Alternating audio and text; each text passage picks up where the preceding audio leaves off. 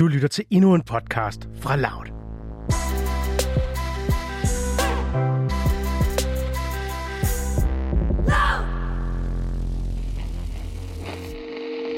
Det er den 25. august om aftenen.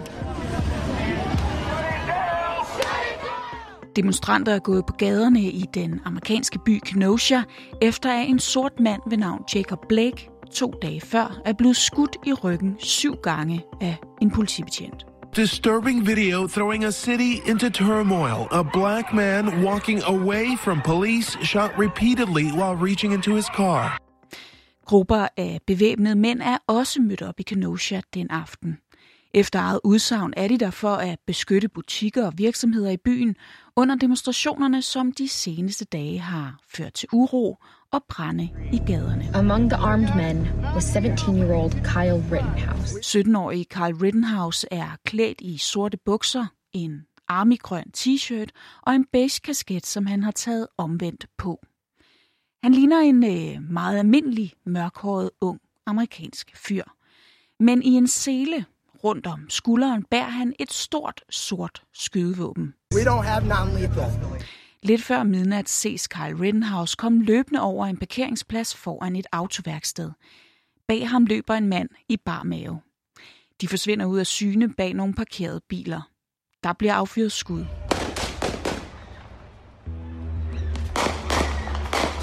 Og manden i bar mave falder til jorden. Folk haster til for at hjælpe manden, og Carl Rittenhouse, der ellers var løbet videre, kommer tilbage, tager sin telefon frem og laver et opkald. Det lyder som om, at han siger, jeg skød nogen. Få minutter efter løber Rittenhouse ned ad en gade. Han bliver jagtet af flere demonstranter og falder. While on the ground, police say he fires at least four shots, striking two people.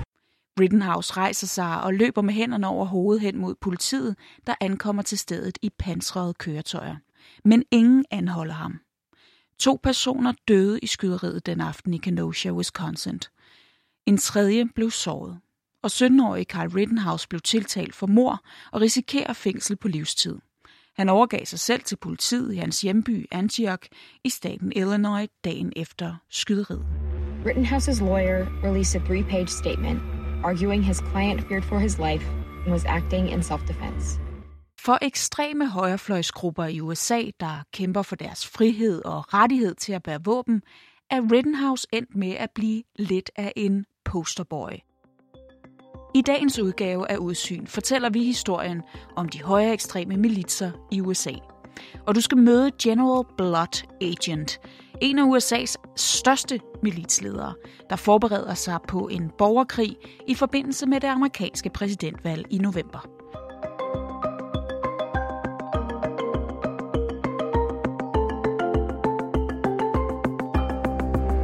Du lytter til Udsyn.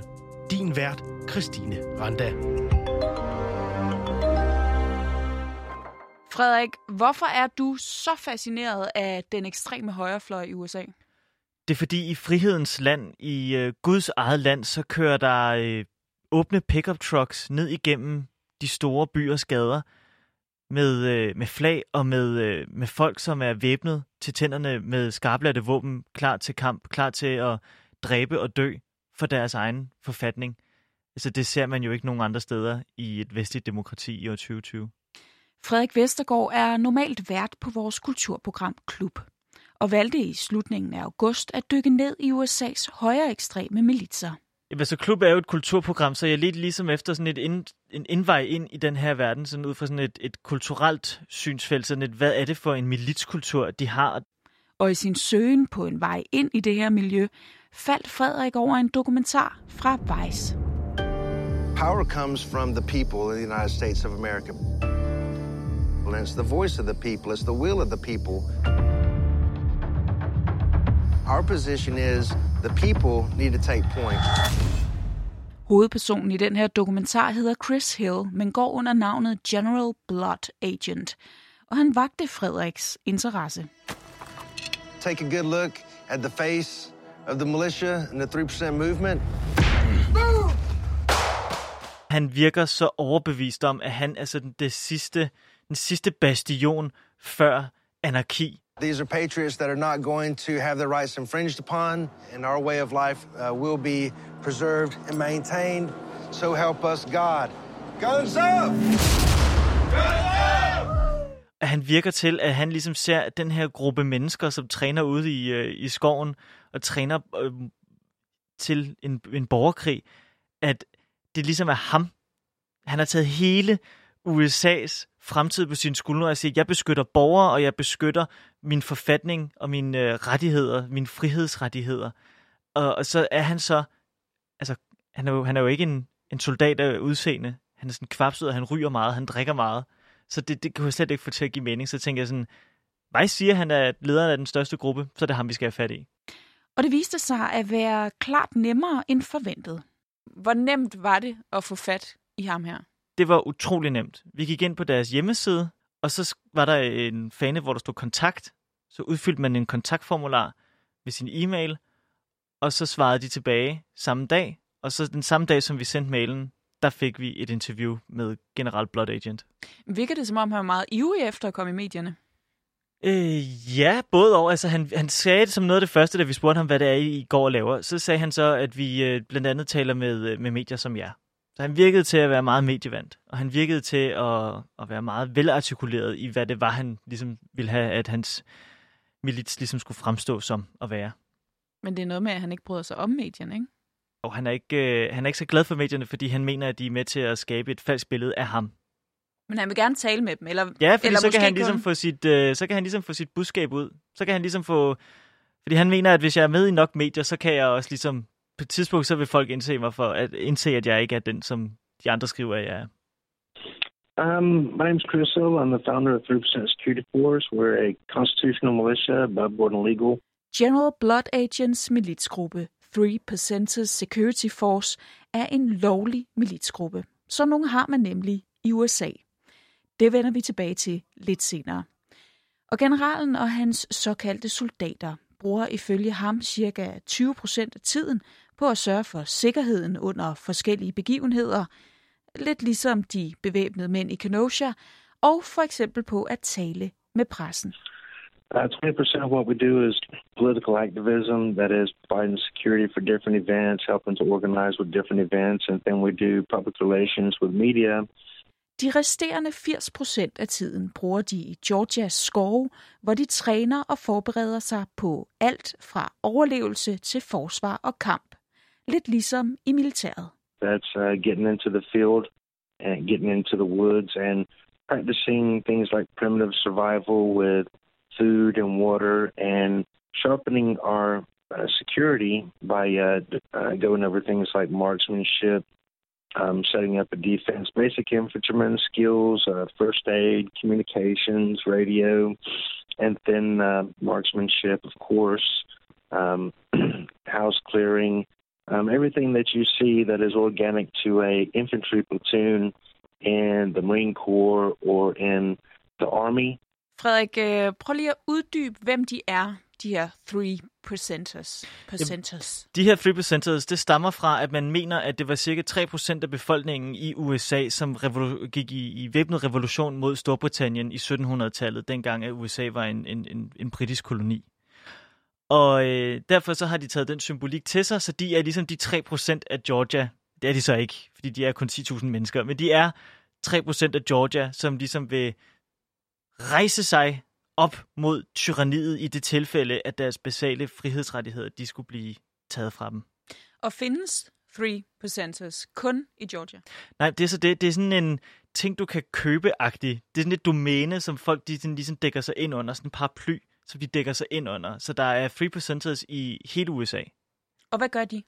Jamen, det er sådan nogle militsgrupper, som øver sig på, øh, på krig. Øh, de laver øh, eksercitser i, øh, i skove, hvor de træner sådan noget som øh, vejblokader og stormangreb mod huse, og, og så spiser de udenfor og sover i telt og leger øh, øh, krig. Og så er det det, der skal gøre, at de ligesom kan forsvare USA mod det endelige kollaps. Eller som General Blood Agent siger det. It's nothing more than free people coming together uh, so that we can better defend ourselves and our country uh, from all enemies, foreign and domestic. Og inden vi lige kigger nærmere på, hvem det er, General Blood Agent ser som fjenderne, og hvad det konkret er for en situation, han frygter og forbereder sig på, så lad os lige tage et smut til USA. Gruppen 3%ers, de er, de er del af en, af en større bevægelse af militser i, øh, i USA. Det her er Anne Alling, vores korrespondent i USA. I USA der har man forret, øh, forfatningsret til at, at forme militser, øhm, og der er simpelthen sådan et, et enormt bredt øh, net af, af militser. Det er meget svært at sige helt præcis, hvor mange der er, men man, man regner med, i hvert fald dem, der er registreret, at der er flere hundrede forskellige militser. Hun bor i Nashville, der ligger i sydstaten Tennessee. Og netop i sydstaterne og i Midtvesten, altså i de mere konservative og republikanske stater, er de her militser især stærke. Og Anne Alling, hun følger de her grupper tæt. I sidste uge, der kom der noget af, af nogle nyheder frem, at, øh, at FBI de simpelthen havde, de havde opsnuset en gruppe af, af amerikanske mænd, i, i, som var del af, af en militsgruppe, som var i gang med at arrangere et plot mod uh, guvernøren uh, Whitmer i Michigan, i delstaten Michigan, og det de ville, det var, at de ville kidnappe guvernøren og også angribe flere andre politikere i, øh, i Michigan. Øh, de ville også angribe politiet og havde altså en større plan for, hvordan det her det skulle foregå.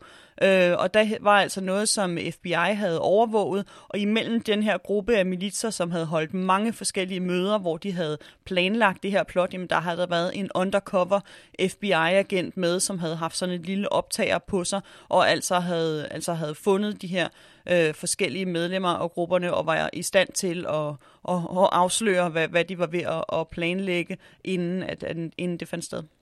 Og de her højere ekstreme militsfolk var faktisk nået ret langt med deres planer. Det, som, øh, som vi får at vide nu fra FBI, det er, at de startede allerede tilbage i juni med at planlægge det her.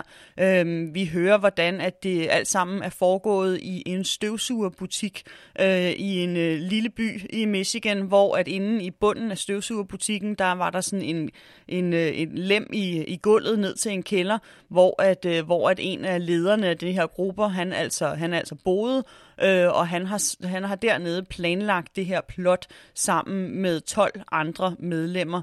Øh, og de var nået så langt til, at de overvågede Whitmers hus. Det, som de endte med at, at bestemme sig for, at de ville, det var, at de ville kidnappe hende fra hendes sommerhus, som lå tæt på en sø. Øh, og de har så været ude i søen og overvåge derude fra overvåge huset. Øh, så havde de planer om at øh, springe. Der var sådan en lille bro, der gik over søen, som de havde planer om at springe i luften, når efter de kidnappede hende for at sørge for, at politiet ikke øh, det blev sværere for politiet at, at følge efter dem. Øhm, og de havde planer om, ved vi nu, at købe sprængstof for 25.000 kroner. Derudover så ved vi, at de havde en masse våben, både nogle, de havde i forvejen, men de anskaffede sig også flere.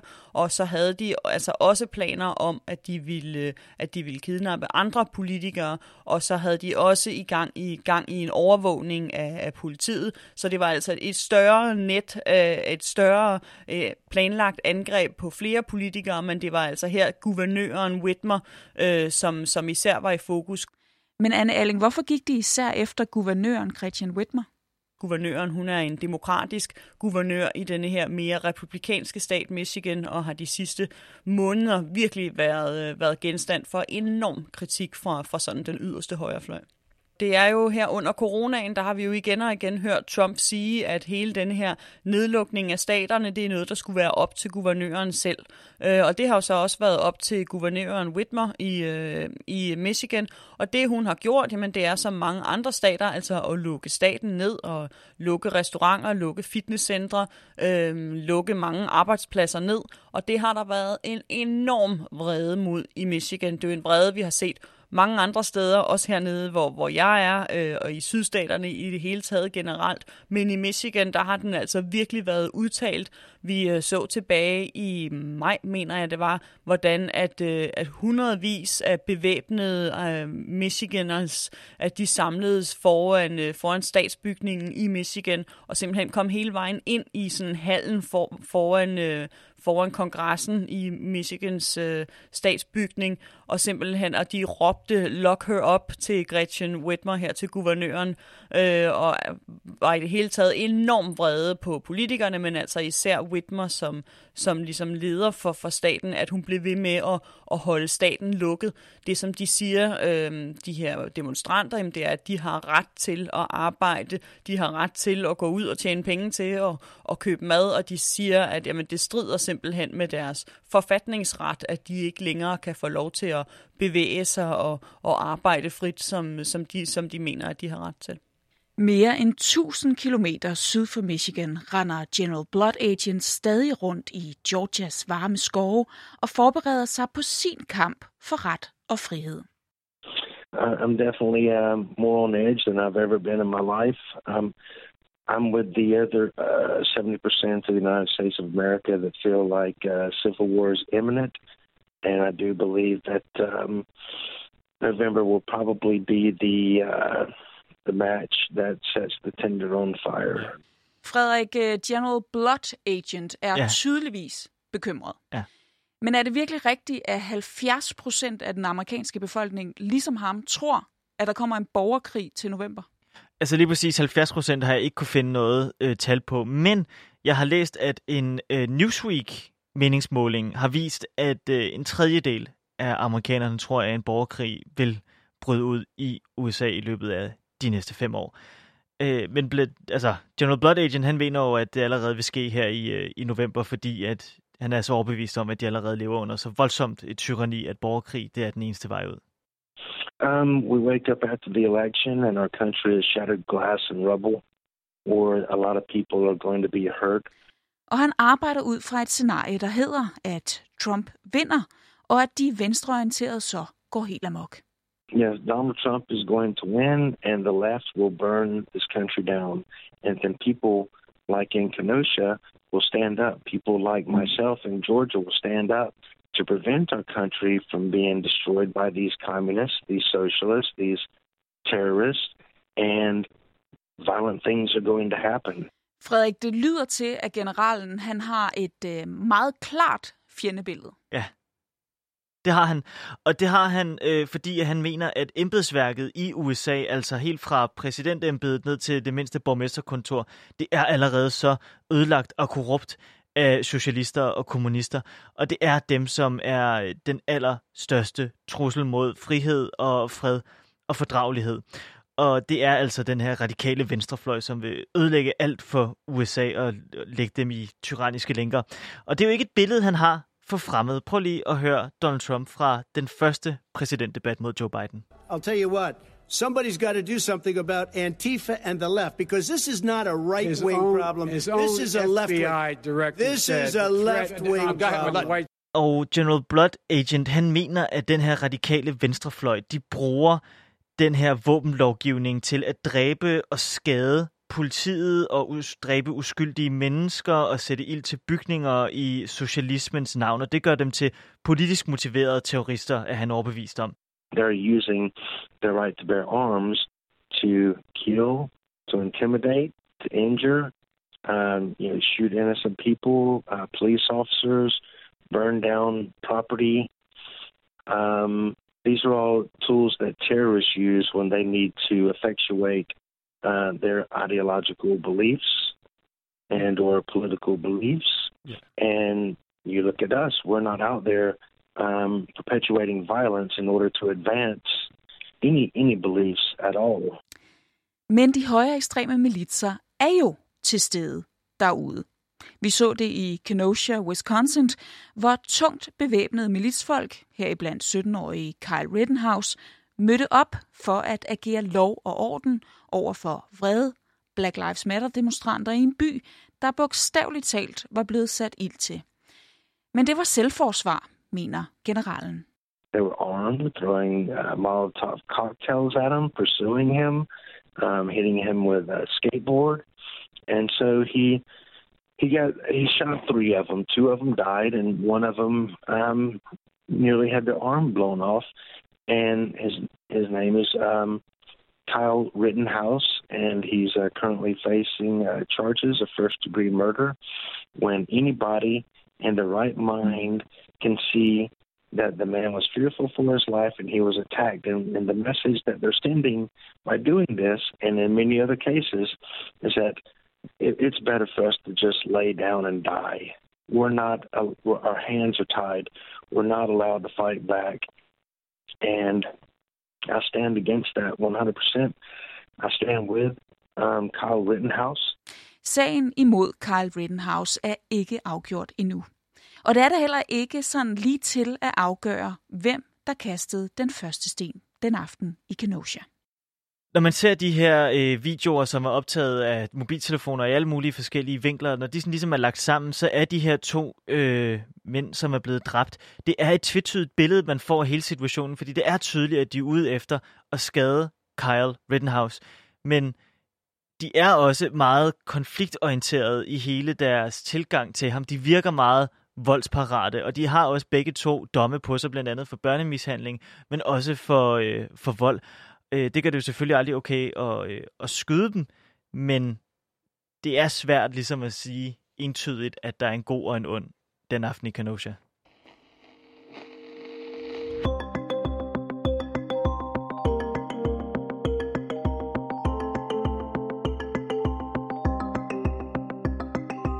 Der er ikke nogen tvivl om, at begge yderfløje i amerikansk politik de seneste måneder har været involveret i uroligheder og vold rundt omkring i USA. Splittelsen i USA vokser. Konfrontationerne bliver flere, og der er tydeligvis en god portion frygt involveret. Og der er ikke meget, der tyder på, at øh, præsidentvalget den 3. november vil lægge en dæmper på den her situation. Der skal nok bare komme flere protester, lige meget hvilket resultat vi ender med at stå med. Spørgsmålet er bare, hvor voldsomme og voldelige de her protester bliver.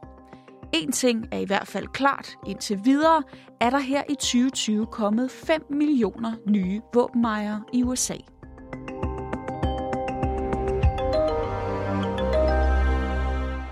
Du har lyttet til en podcast fra Loud.